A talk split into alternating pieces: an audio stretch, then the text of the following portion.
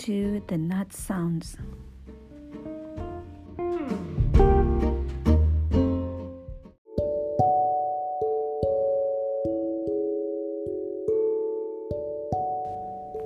Syamina Mina. Eh, Udah mulai tahu.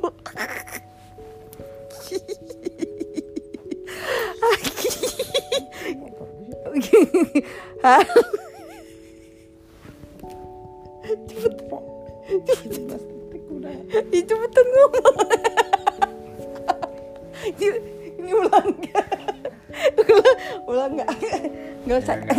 Oke oke. Sel- sel- Selamat malam. Ini aku jadi berasa Ira Kusno. Jadi jadi Arif Arif Hidayat.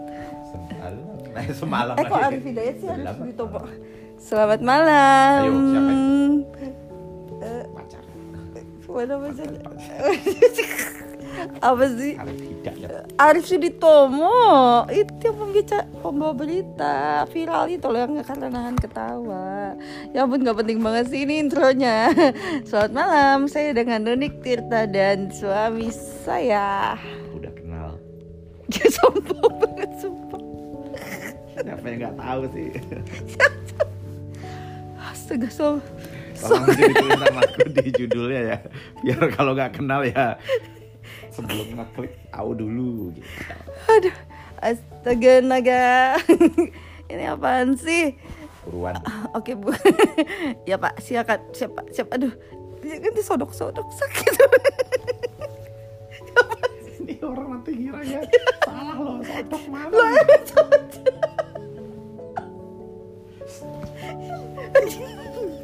Ini podcast apaan sih? Aduh oke. Padahal topik topiknya nih hari ini tentang ben- banget. Mm-mm, tentang bencana. Ah, Jangan Bencana. jangan gitu, nggak boleh ketawa-ketawa. Udah sedih mulai. Deng deng deng. Itu lagu sedih.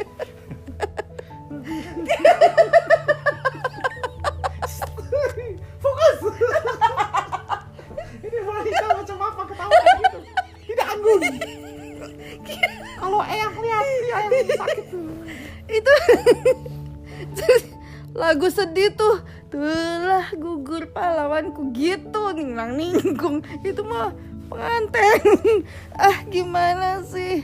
Aduh ini udah berapa menit terbuang sia-sia buat Nanti dikasih aja teksnya. Kalau nggak mau sia-sia majuin berapa menit. oh ya betul juga ya. 2 langsung. menit 40 detik serius. oh ya. Skip. Oke. Kita mulai mau ngobrol kali ini tentang mitigasi bencana karena kita sudah mengalami sekitar dua bulan yang lalu sini dong peluk aku sambil busuk. enggak kan enak nah tuh gitu dong nah eh, sekitar dua bulan atau tiga bulan yang lalu gitu eh, kita dalam seminggu itu ada tiga bencana yang terjadi di rumah ini. Waktu kita lagi em, apa work from home ya stay at home. Itu yang pertama adalah eh ini dari yang receh dulu atau yang berat dulu? Receh dulu aja. Jadi dari yang receh dulu. Ini urutan sesuai kejadiannya ya. Jadi yang pertama itu adalah waktu eh, pintu kamar mandi itu kekunci Ah, jadi sebenarnya kan ke kedengeran sepele juga ya kayak ah terus apa bencananya gitu kayak biasa aja. Nah cuman cuman pintu kamar mandi itu sialnya biasanya kita kan jendela tuh eh, masih dibuka. Nah ini kita udah tutup terus eh, terus deh gitu jadi nggak bisa dibuka dari jendela luar dan biasanya kita udah tahu tuh kuncinya itu emang sering ngadat jadi kayak suka kekunci sendiri gitu. Nah sialnya itu kuncinya anak kuncinya ada dua dua-duanya itu baru aja dimasukin sama anakku di dalam kamar mandi. Jadi otomatis kunci apa eh, pintunya ya nggak bisa kebuka gitu. Jadi kekunci dari eh, dari apa dari luar. Nah untungnya sih nggak ada yang di dalam ya. Cuman kan kalau ada yang di dalam berarti ya bisa buka dong gitu nah jadi jelas gak jelas ya nah Untungnya nggak ada yang di dalam. Ya, kalau ada di dalam, untung lah. Ya. Serius.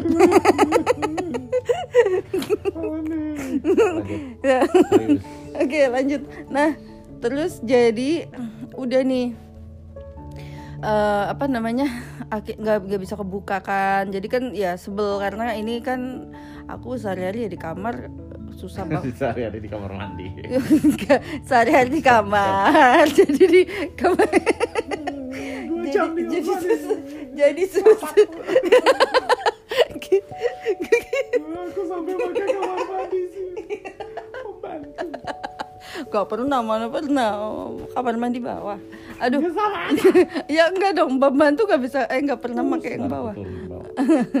Well, anyway jadi intinya tuh kan kekunci gitu. Nah terus udah gitu kekunci eh sampai dua hari karena apa? Karena satu opsi pertama kan ya udah mau manggil tukang kunci kan. Eh ternyata tukang kunci minta mahal banget gitu loh diketok gitu harganya. Jadi kita ya nggak mau lah gitu.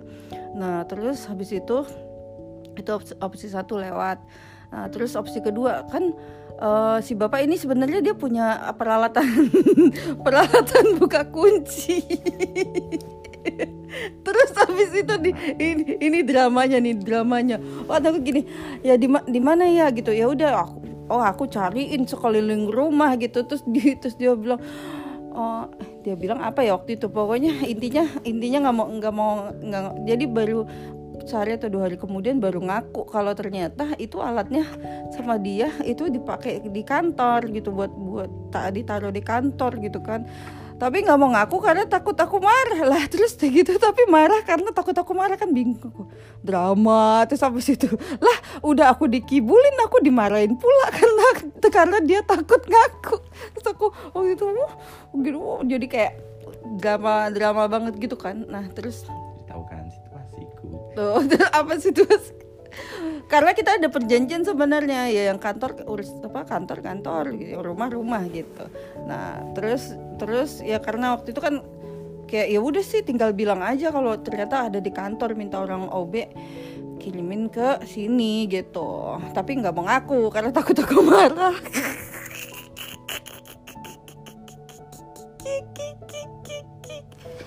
tapi ter- tapi ter- tapi akhirnya ngaku juga malah aku bikin aku tambah marah jadi gimana dong nah Tuh kan, tuh kan. karena dikibulin oh, di, udah dikibulin dimarahin lagi. Oh. nah oke anyway akhirnya jalan keluarnya adalah jeng jeng jeng jeng jeng jeng jeng. Setelah dia beli baru peralatan peralatan buat ngebobol gitu eh peralatan buat buka kunci dan segala macam. Akhirnya nggak kepake karena akhirnya setelah under pressure terus akhirnya dia punya ide diapain pintunya? Jadi di pintu itu di bawahnya kan ada lubang angin tuh. Terus dibobol deh. Bobol? Jadi bobol lubang angin pintu di bawah gitu. Terus sama dia dibobol terus habis itu kan lubangnya ya dibilang kecil gede dibilang gede kecil. Jadi Gimana? gimana sih? Jadi akhirnya siapa sih yang masuk ke dalam kamar mandi Mbak. Oh Kucing. jadi akhirnya si mbak masuk dari lubang kamar mandi apa lubang angin itu terus habis itu dibuka deh dari dalam. Hore! Ini kalau ada YouTube ada ini back soundnya dong. Yeay! itu satu. Nah terus terus habis itu habis itu sama si mbak di, ber- di, di, di- apa diberesin lagi lubang anginnya sama mbak dibikinin uh, bekas kanopi gitu dipasangin gitu terus jadi rapi gitu jadi bagus gitu kan kayak nggak nggak nggak kelihatan kalau habis dibobol gitu deh nah terus ini dong peluk ih mm. nah Nenek. ah jangan nenek peluk aduh duh. nah terus mm, akhirnya berhasil kebuka. Nah dari situ pelajaran pertama adalah pelajarannya jadi jangan pernah menyatukan yang namanya kunci di, satu tempat. Jadi kalau bisa kunci itu dipisah. Jadi misalkan punya satu grendelan kunci utama sama satu eh, eh, satu apa namanya ya kunci yang terpisah gitu loh. Jadi jangan jadi kalau kayak kejadian kita kan kesalahannya karena dua-dua anak kuncinya itu disatuin terus begitu kunci dari dalam ya udah jadi nggak nggak bisa dibuka Belum gitu dipisah. ya akhirnya sekarang kita pisah gitu pintunya pintu baru bekas nyangkut juga. Oh iya benar, waktu itu udah pernah kejadian kayak gitu sampai harus dibobol juga dan dibobolnya eh, gagang pintunya waktu itu gitu. Itu pelajaran pertama kita yang ya semoga siapa aja sekali aja ada yang belum ada yang nggak nyadar gitu. Oh iya iya benar juga ya. Nah apa kunci itu jangan digabungin. Sekarang pisah deh, pisah, pisah, pisah nggak? Aduh geli. Au. Oke, itu pelajaran pertama. Pelajaran kedua, teng teng teng teng. jadi dalam ini dalam minggu yang sama ya, ini tiga kejadian ini dalam minggu yang sama. Nah jadi eh setelah drama pintu itu, terus selang cuma satu atau dua hari gitulah, itu eh, air air di rumah kita hmm, ternyata mati gitu mati. Sebenarnya ini udah nggak cuma nggak baru pertama kali sih mati tapi itu kalau ketika dinyalain tuh kayak kotor banget gitu. Nah terus dicek eh ternyata pompanya mati gitu. Pompa air yang dari bawah ya Dedi ya? Hmm. ini yang ngerti per, perpompaan dan perpipaan nih suami ini nah Mm-mm. Nah intinya mati gitu. Nah ini sebenarnya pompa mati di situ tuh udah sering banget sebenarnya kayak eh, kita tuh udah udah sampai pernah ngegali ya Dedi ya ngedalemin kita kira tuh kayak ah kurang dalam kali ini jadinya airnya kotor gitu. Eh, terus pas udah didalemin eh ternyata ya masih kadang masih suka ini juga sampai kita tuh punya apa pakai filter air kan gitu. Nah terus Nah, untung pas yang kemarin kejadian itu kita akhirnya eh, manggil tukang pompa yang baru yang lain. Nah, itu untungnya dapat tukang pompa yang ahli. Dia itu udah pengalamannya emang puluhan tahun di perusahaan apa ya, Dedi namanya? Aku lupa. Ikea. Ih, kok IKEA sih ya, ngaco banget sih. Gue ya enggak. Eh, eh, bo- pompa, pompa, pompa. Intinya dia perusahaan pompa. Nah, terus, Oh, laser. Ih bukan. Sanyo. nggak inget. Nah terus anyway jadi dia Oke. intinya punya pengalaman berpuluh-puluh tahun dan dia ngerti banget gitu. Nah terus dia menyarankan ini tuh memang lokasinya yang sudah berlumpur. Dia bil dia kasih opsi. Ya aku suka nih orang kalau kerja tuh dia ngasih beberapa opsi. Jadi kita tahu gitu. Jadi nggak cuma disuapin aja nih bagusnya begini bu gini gini terus apa kita nggak dikasih opsi lain. Nah ini dia ngasih opsi. Jadi ada uh, opsi yang yang pertama ya ya udah gak pompanya diganti aja dengan lokasi yang sama. Tapi konsekuensinya adalah ya ke- itu akan kejadian berulang terus karena ba- pada dasarnya lokasi tempat pompa kita itu berlumpur banget gitu. Jadi ya, ibaratnya tuh pompa harus kerja keras super super duper keras gitu. Makanya usianya jadi pendek gitu. Nah terus peluk lagi. Ah, ih terus nah terus abis jangan gitu. Nah terus udah gitu hmm, ntar dulu bapak jangan tidur dulu nanti gantian ngomongnya. Nah terus habis itu habis itu eh, opsi yang kedua adalah dia eh, bilang eh, opsi yang kedua itu ganti posisi pompa gitu. Ya dengan konsekuensinya ya berarti ya harus eh, gali pompa ga- gali gali lokasi gitu. Nah terus eh, mau pakai pompa lama bisa. Nah opsi yang ketiga ya gali tempatnya baru sama pompanya baru gitu ya. Kita pilih yang ketiga lah gitu. Eh, pom- tempatnya baru pompanya baru gitu nah terus ya udah akhirnya dikerjain tuh Eh, untungnya dapat dapat apa, tempat yang masih masih ada gitu ya dan tempatnya juga apa akse- lumayan gampang aksesibel lah gitu dan nggak no damage gitu. Terus akhirnya setelah dikerjakan itu itu berhasil. Jadi airnya kita tuh sekarang bening gitu. Terus juga uh, puji Tuhan sih sampai sampai sekarang ini apa nggak nggak ada ngadat-ngadat gitu. Semoga sih enggak gitu.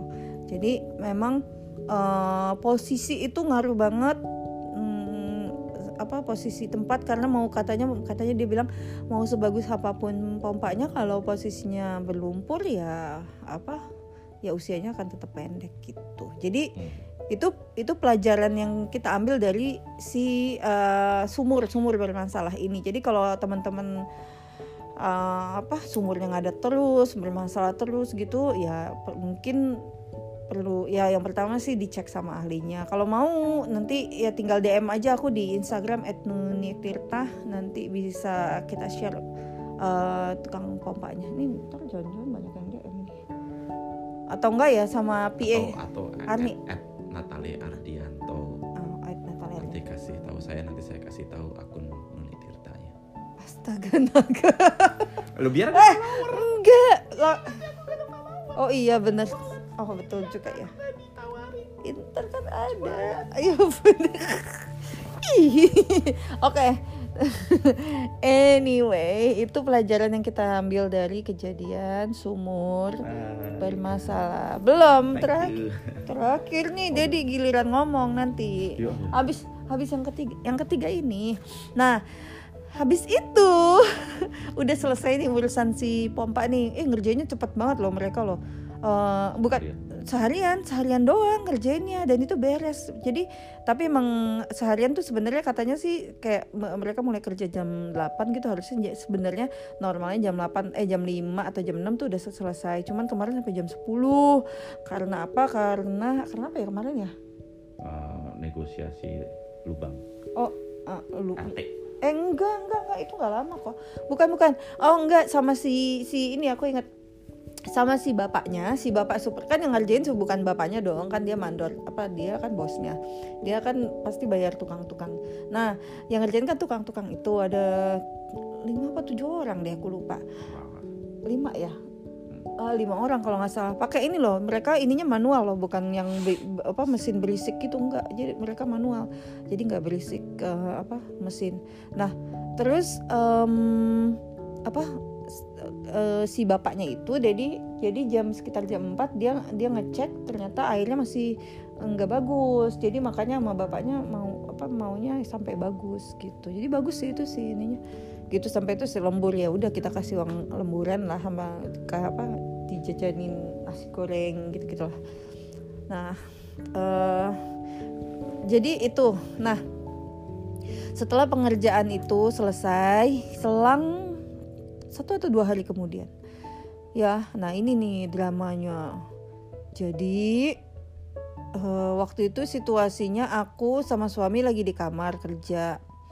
Hmm, terus anak yang pertama di kamarnya dia tidur atau anak yang si bungsu itu di di ruang keluarga gitu. Nah si mbak baru aja ngambil eh, paket di pos satpam terus habis itu tiba-tiba si mbak baru aja mau naik itu benar-benar baru mau naik ke atas eh, ke kamarnya dia itu dia dengar suara bluduk gitu pas dia ngeliat itu bluduknya itu udah api apinya udah sampai atas gitu.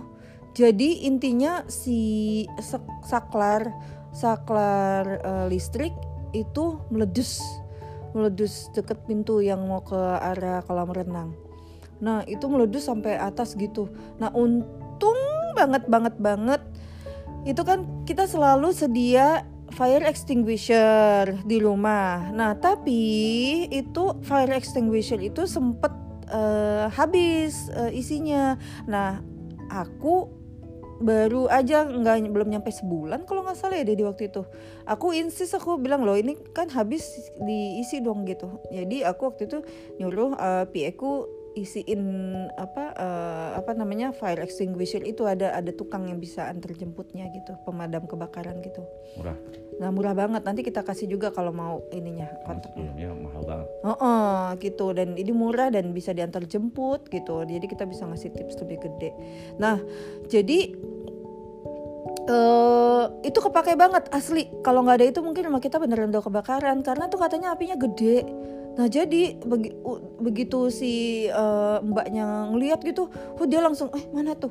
Ah, apa dia langsung ngambil fire extinguisher ada di samping kulkas gitu eh, di antara dapur sama ruang makannya kita gitu. Langsung sama dia disemprot. Mati langsung tewas apa eh, ininya eh, bukan orangnya ya uh, apinya gitu. Langsung langsung dalam sekejap eh, apa mati apinya. Tapi ya bekas fire extinguisher itu kan ini ya apa kayak kotor Ya, banget gitu Itu apa? abu-abu Fire extinguisher-nya namanya eh, tipe cairannya tuh tipe ABC. Heeh. Jadi bisa untuk listrik. Heeh, untungnya Jadi ya nggak nggak nyetrum. Kan kalau air Heeh. nyemprot listrik ya Nyetrum. nyetrum lah. Mm-mm. Kalau ini enggak. Jadi memang kayak serbuk gitu. Mm-mm. Nah ini giliran bapak nih yang yang yang menjelaskan eh, mitigasi bencana karena untungnya selain selain kita selalu sedia fire extin- extinguisher kita sedia dua yang yang di bawah sama di atas Eh, jadi kita sediain eh, satu yang di deket dapur yang satu lagi di atas tuh deket kamar kita yang di, di tengah-tengah lah gitu. Nah eh, sama sebelumnya kita sekitar seminggu atau dua minggu sebelumnya itu kita pas banget memang eh, kita mitigasi bencana eh, di apa di rumah ini se sekeluarga. Eh, itu inisiasi dari eh, apa eh, Pak Natali gitu ya. Terus em, karena dia waktu di Amerika tuh udah biasa kayak gitu. Dan aku juga inget oh, waktu aku kerja dulu juga eh, pernah mitigasi bencana kalau gempa kayak gimana kayak kayak ini gimana kan kalau perusahaan minyak kan eh, safety-nya safety first lah ya gitu.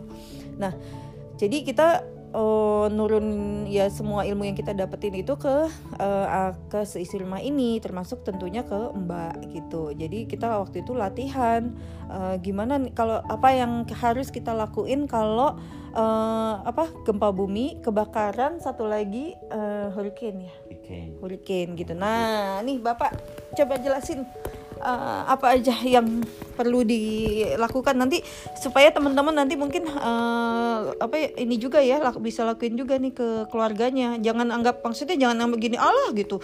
Kayak ini aja orang padahal di rumah doang gitu ya. Kita nggak pernah tahu loh kapan terjadi bencana. Buktinya ini kemarin ya itu karena kita udah uh, apa di, udah tahu apa yang harus dilakukan ya jadinya selamat kan gitu. Coba silakan Pak. Silakan selesaikan aja ini semua isinya. gitu. Oh, Oh, oh, isu- oh, ya. Tuh kan 22 menit. Iya kan biasanya kita satu jam. Satu jam 30 detik. Eh 30 menit. ya ampun ganti posisi dulu. Iya, jadi betul ya. Jadi kalau kalau saya kan orangnya suka memikirkan masa depan ya kan planning kayak gitu. Jadi makanya saya juga mikirin eh, apa sih eh, yang harus kita lakukan kalau gempa, kalau kebakaran dan kalau ada angin ribut gitu. Pertama kita eh, apa kebakaran dulu deh yang gampang. Nah, kalau kebakaran tuh gampang sebetulnya ya kan. Beberapa teknik yang bisa kita lakukan adalah ya pertama ya itu tadi fire extinguisher. Memang harganya mungkin agak mahal untuk beli ya kan, tapi kita kita tuh kayak asuransi lah ya kan. Ngapain sih kita spending ya kan? Tapi ya kalau udah kejadian nyesel ya kan. Jadi itu kayak bayar uang nyesel ya kan kayak sekarang ini ah, kema- apa yang kemarin kebakaran itu terus bisa dimatikan kan kita jadi nggak nyesel ya kan? Untung ada ini ya gitu. Jadi kita mikirnya harus ya positif gitu. Jadi ketika spending something untuk keamanan security ya kita memang karena ini lagi investasi. Dan kalau nggak kejadian ya puji Tuhan malah ya kan? Kalau kejadian kan malah malah sebetulnya nggak nyaman dan nggak enak. Dan kalau nggak siap ya lebih apa lagi biasanya gitu ya. Jadi kebakaran itu satu itu ya. Terus uh, beberapa teknik gitu kan. Kayak misalnya oh ya kalau nggak punya fire extinguisher apa sih teknik berikutnya? Yang jelas adalah ini kan kain ya kan apa pun dibasahin terus nutup ya kan sumber sumber kebakarannya kayak gitu. Jadi jangan disemprot ya kan. Kesalahan banyak orang kan ada air api nyala disemprot. Itu itu malah nanti apinya bisa ke mana-mana kedorong ke mana-mana ya kan. Kenapa? Ya karena air itu kan mengandung O2 juga gitu loh ya kan? Jadi ya caranya adalah dengan menghi- menghilangkan sumber pembakarannya yaitu oksigen gitu. Makanya kain dibasahin terus ditutup gitu bagiannya. Kecuali kalau listrik. Kalau listrik listriknya harus dimatiin dulu baru di- ditutupi kebakarannya ya.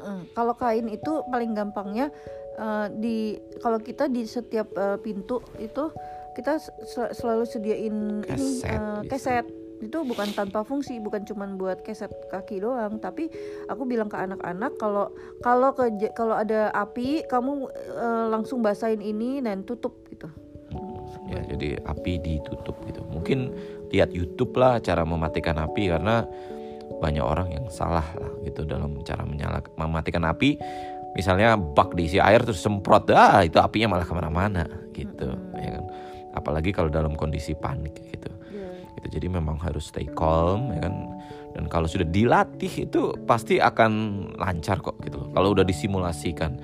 Kita karena simulasi, karena kesalahan banyak orang itu nggak ada simulasi cuman berasumsi gitu kan. Oh kalau kebakaran gini oke okay, gitu. Eh pas kejadian panik ya kan?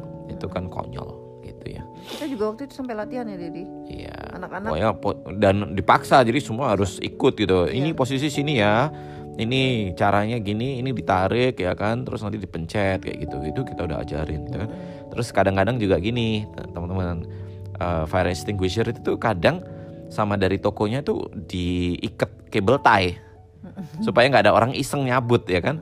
Tapi kan nanti kok pas kejadian banyak yang terus belum dipotong kabel tainya malah jadi kesulitan narik gitu. Jadi itu jangan lupa juga itu. Banyak banget yang kesalahannya adalah masih ada kabel tainya. Jadi waktu ditarik nggak bisa itu loh ringnya ya kan nggak bisa dilepas begitu pulang panik begitu kita beli langsung jadi uh, uh, jadi waktu udah disiapin ya dipotong kabel tainya karena kan ya itu untuk mempermudah ketika nanti terjadi kebakaran nah itu satu yang kedua adalah gempa. Eh, sorry sorry, ini kebakaran ya. Nah, eh, masih masih ada masih lagi ada, masih ada. kebakaran. Nah, kadang kebakaran tuh terjadi waktu kita lagi tidur, ya kan? Nah, terus ya kalau kebakaran biasanya kita terbangunnya ya karena bau asap, ya kan? Nah, kalau kita lagi di kamar masing-masing itu kita sudah kita sudah menginstruksikan anak-anak ya. Pokoknya gini. Jangan pernah buka pintu gitu ya jadi misalnya ini kita di kamar, ya kan, sedangkan di ruangan sebelahnya kita itu lagi kebakaran. Ya, api itu butuhnya oksigen. Begitu kita buka pintu, kita tuh kayak memberikan oksigen ke api itu. Jadi itulah yang terjadi yang namanya backdraft ya B A C K D R A F T googling aja gitu backdraft itu kayak apa jadi itu apinya malah menjilat gitu loh menjilat ke uh, ruangan yang uh, tidak ada apinya tadi kenapa karena ada banyak oksigennya dan itu nanti yang terjadi adalah ya yang membuka pintu itu pasti kebakaran atau kedorong oleh apinya. Hmm. Ya, tapi pasti kebakaran gitu. Nah, jadi salah satu caranya adalah pegang uh, pegang ini ya, pegang uh, apa? pintunya, ya kan? Kalau nggak kerasa panas, coba pegang gagangnya gitu ya. Karena gagang itu kan rata-rata besi itu, jadi penghantar panas yang baik. Jadi kalau ternyata panas, jangan dibuka, nggak boleh, nggak boleh keluar dari pintu situ itu it's, it's too dangerous gitu ya kan nah terus nah kebetulan kamar kita semua ini kan ada kamar mandinya ya ya udah. Jadi kalau mau keluar nggak bisa ya kan? Ya kita coba yang kamar mandi ya kan? Ya kalau sumber apinya bukan dari kamar mandi ya kalau dari kamar utama ya apa dari ruang utama ya. Nah kamar mandi ya itu terus ambil baju apa pun ya kan? Terus basahin ya kan? Terus baju itu habis dibasahin tutup ke hidung gitu. Jadi kita nafas itu jangan cuma dari kainnya tapi dari kain yang basah gitu. Jadi itu sangat-sangat membantu menfilter uh, asap ya kan. Lalu kalau mau pergi ke mana-mana itu harus merangkak gitu karena kita juga nggak tahu ya uh, apa asap asap itu cenderungnya ke atas gitu. Jadi udara yang baik itu masih di bawah semua gitu ya CO2 itu lebih ringan daripada O2 eh bener gak ya ya pokoknya gitulah asap itu selalu di atas jadi kita merangkak ke bawah kalau mau ke mana-mana gitu nah terus kita juga udah pikirin ya kan? Exit entry point apa exit pointnya mana lagi ya kan? Nah salah satunya adalah jendela gitu. Jadi uh, apa ya kita instruksikan ya kalau anak-anak kebetulan jendelanya menuju kolam renang kan? Nah itu tuh ya itu kita minta anak-anak untuk buka jendelanya ya kan? Supaya uh, bisa bernafas gitu ya kan? Karena kadang banyak juga yang lemas uh, mati lemas ya karena bukan CO2 tapi karena CO karbon monoksida ya. Karbon monoksida itu nggak ada baunya loh ya kan? Nah, tapi tahu-tahu tiba-tiba lemas terus mati. Jadi makanya banyak orang kenapa kok lo kok orang kok bisa tidur nyenyak ya gitu kan? Ada kebakaran? Enggak dia bukan karena bukan karena tidur nyenyak. Itu karena kena asapnya asap CO bukan CO2 gitu. Dan itu uh, bikin lemas dan mati gitu. Apa nggak bisa gerak gitu badannya karena lemas gitu ya. Nah buka jendela ya tunggu di situ ya. Tapi kalau memang apinya sudah masuk dan menjilat-jilat ya terpaksa lompat ke kolam renang gitu. Walaupun berbahaya kayak gitu. Tapi kita juga udah mikirin uh, daerah sini ya kalau bisa lompatnya ke arah sana gitu kan. Lebih karena dalam. lebih dalam kayak gitu. Nah itu di sisi uh, uh, kamarnya anak-anak. Kalau di sisi kami, kamar saya ya itu ada apa kanopi, ya kan. Uh, uh, Jadi ya lompatnya ke kanopi, terus ke pinggiran kanan itu ada kayak tangga gitu. Jadi buat buat tanaman rambat, tapi bentuknya kayak tangga. Jadi bisa turun lewat situ, gitu. Jadi kita udah mikirin itu kan uh, gimana caranya supaya uh, apa ya kalau kondisi kebakaran ya gini gini ya kan jangan panik. Terus coba cek nggak boleh dibuka kalau kebakaran karena bahaya backdraft gitu. Kita kalau perlu ya kalian tunjukin backdraft itu kayak apa sih? Ini YouTube-nya ya kan? Wah ngeri banget tuh sadis banget itu kalau kalau kita buka pintu kayak memberi apa dong oksigen ke api itu bus menjilat gitu. Itu kalau kebakaran nah, terus yang kedua adalah gempa gitu. Nah jadi kalau gempa itu tipsnya adalah jangan pernah coba lari keluar rumah gitu. Kenapa? Karena jatuhan-jatuhannya itu bisa menimpa kalian dan kalian malah jadi mati konyol gitu ya. Nah jadi gimana sih solusinya Nat? Gitu kan. Nah solusinya adalah cari uh, area atau tempat yang sangat-sangat sturdy gitu. Biasanya patokannya itu segitiga. Maksudnya segitiga tuh gini. Jadi kalau misalnya kayak sisi tempat tidur ya kan ya kita ngumpetnya uh, apa? ngumpetnya ke sisi uh, sisi sisi apa sisi tempat tidur sehingga kalau ada barang-barang jatuh ya misalnya yang uh, tembok dari atap gitu ya jatuh itu karena kita di sisi segitiganya kita nggak ketiban ya nah tapi kalau di rumah kayak kami itu uh, tempat yang salah satu paling aman adalah ya lemari lemari pakaian karena lemarinya built in kita yang Iya, nah jadi kalau yang di kamar kami letter L ya. Jadi ya kita tahu ngumpetnya juga nggak sembarangan ya ngumpetnya yang di sudut ini gitu kan. Karena letter L itu susah untuk terguling. Nah kalau yang di kamar anak-anak itu kebetulan lemarinya berhadapan sama tembok. Jadi hmm. kalaupun lemarinya berguling nggak menimpa gitu. Jadi cuman miring ke tembok. samping malah miring ke tembok. ya? uh -uh, malah jadi tertutup ya kan jadi terlindung kayak hmm. gitu jadi jadi apa ya ketika langit-langitnya berjatuhan ya tetap aman ya kan? Tapi ya memang kalau sampai atapnya roboh-boh ya itu kita berdoa aja supaya tidak segitu parahnya. Gitu ya. Tapi tapi jangan pernah lari ke bawah karena jatuhannya itu malah lebih berbahaya. Karena tengkuk gitu kan kan kalau barang jatuh dari atas itu pasti kepala yang kena dan kita lari juga nggak pakai helm ya kan?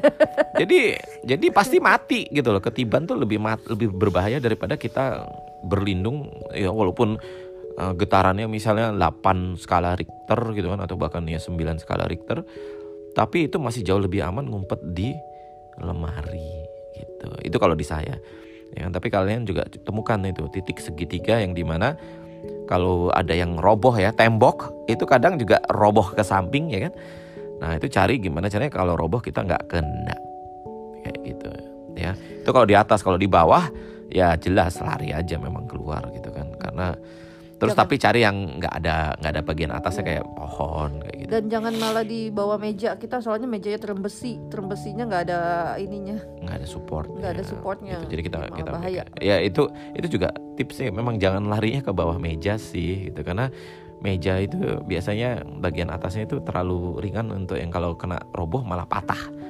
Gitu ya. Jadi seperti itu. Jadi tapi kalau di bawah ya bisa masih bisa lah lari cari yang terus ke bagian yang nggak ada terlalu banyak tembok atau kaca. Karena pas goyang-goyang gitu kacanya jadi pecah semua juga biasanya. Gitu. Nah terus yang ketiga ya hurricane. Ya kalau hurricane sendiri ya jelas hindari kaca udah gitu aja. Jadi pergi ke bagian yang uh, tengah yang uh, semuanya tembok gitu. Karena kalau hurricane tuh biasanya ya anginnya itu yang berbahaya adalah apa uh, mendorong kaca terus kacanya jadi shattered ya kan? Dan permasalahannya tuh kalau kaca-kaca di rumah-rumah di Indonesia itu bukan safety glass. Jadi tajam banget itu kepecahannya ya. Uh, beda sama kalau safety glass itu jadinya pecahnya berkeping-keping gitu kan. Terus kalau pakai ada lapisan apa namanya nah, lapisan film tuh ya jadi nggak nggak ke mana-mana gitu karena nempel di lapisan filmnya. Gitu ya jadi itu kalau saya dulu uh, di Amerika juga gitu apa hurricane itu langsung keluar ruangan ke lantai yang bawah jangan di lantai atas ya kan? Jadi supaya kalau atapnya kebuka ya kan karena angin bawahnya lantai bawah itu kan atasnya beton ya kan aman. Terus menunduk di pinggir tembok dan untuk apa tangannya menutupi kepala gitu. Karena ya badan kena ketiban ya udah nggak apa-apa. Tapi yang penting kepala jangan karena fatal. Kalau kena kepala pasti mati gitu. Atau cacat gitu. Kayak gitu ya. Jadi ini ini saya pelajari juga ya. Memang tadi benar di Amerika karena hampir nggak tahu ya setiap berapa bulan itu fire drill pasti gitu. Jadi ada fire drill hurricane drill ya kan. Terus apa uh, sama apa tadi? Gempa ya. Earthquake drill itu kita selalu ready dan saya notice kalau di Indonesia tuh nggak ada tuh ya apa kayak dilatih gitu loh bahkan di sekolah pun kayak nggak dididik ya kalau di sini ya untuk menghadapi hal-hal seperti itu. Paling yang terjadi adalah teriak-teriak semua. Ah! gitu. Seperti itu. Tunggu. Ya, udah. Iya, begitu. Ya, teman-teman, aku mau nambahin apa? Udah kayaknya udah semuanya. So um, dari hal-hal yang kita alami waktu itu, semoga teman-teman juga bisa belajar ya dari um, apa pengalaman-pengalaman kita supaya nanti nggak kejadian nih teman-teman ataupun kalaupun kejadian ya juga sudah tahu cara mengantis mengantisipasinya tuh bagaimana seperti apa gitu. Oke okay? nanti kalau uh, sudah dipraktekin atau lagi dipraktekin atau baru mau dipraktekin boleh share-share ke kita. Dengan senang hati nanti akan kita uh, repost ya. Jadi mention at Nuniek Tirta dan masa nggak tahu sih? Enggak nggak tahu aku lupa At Natalia Ardianto. At Natali Ardianto ya. Jadi um, semoga kita semua dilindungi dan kita semua juga uh, tidak panik saat uh, kalau terjadi bencana dan semoga uh, saat terjadi bencana juga kita justru malah saling bersyukur ketika berhasil selamat dan jangan malah jadi main salah-salahan kamu sih kamu sih kamu sih gitu ya Oke. Okay. Semoga bermanfaat dan sampai jumpa di podcast selanjutnya. Dadah.